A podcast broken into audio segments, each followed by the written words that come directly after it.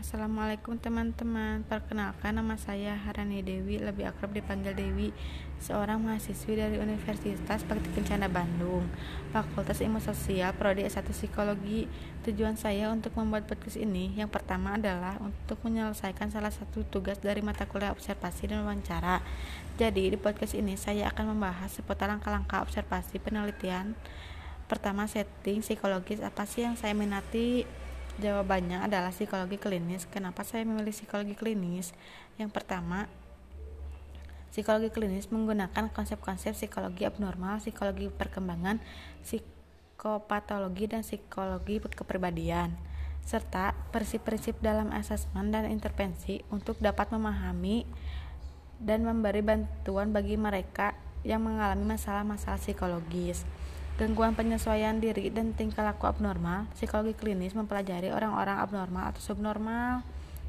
Tugas utamanya adalah menggunakan tes yang merupakan bagian integral suatu pemeriksaan klinis yang biasanya dilakukan di rumah sakit. Namun secara luas, psikologi klinis adalah bidang psikologi yang membahas dan mempelajari kesulitan-kesulitan serta rintangan-rintangan emosional pada manusia. Tidak memandang apakah ia abnormal atau subnormal, psikologi klinis menunjukkan pada bidang yang membahas kajian diagnosis dan penyembuhan treatment masalah-masalah psikologis, gangguan disorder atau tingkah laku abnormal. Uh, yang kedua, kira-kira hal apa saja yang perlu Anda persiapkan untuk membuat rencana observasi itu berjalan lancar? Hal-hal yang perlu saya dipersiapkan untuk membuat rencana observasi pertama mempelajari pengolahan data, kedua menetapkan maksud dan tujuan observasi, ketiga menentukan apa saja yang perlu diobservasi. Nah, yang ketiga, hal-hal apa saja yang akan menjadi kekuatan Anda yang akan membantu ke kelancaran dalam dalam proses observasi.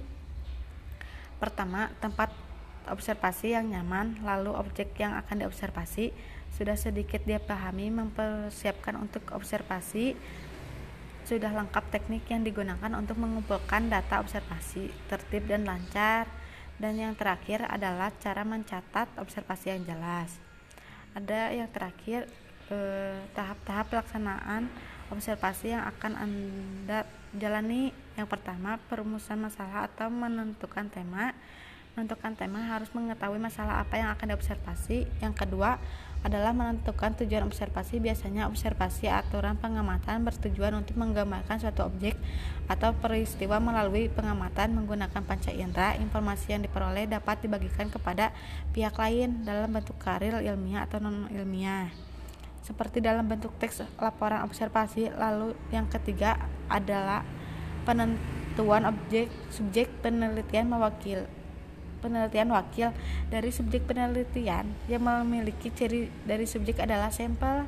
Sampel adalah wakil dari subjek penelitian.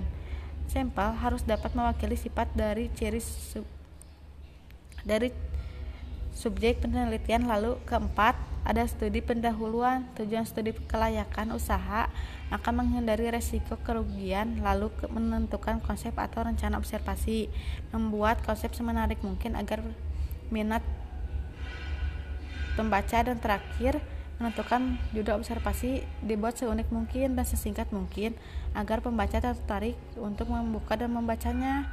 Sekian dan terima kasih. Assalamualaikum warahmatullahi wabarakatuh.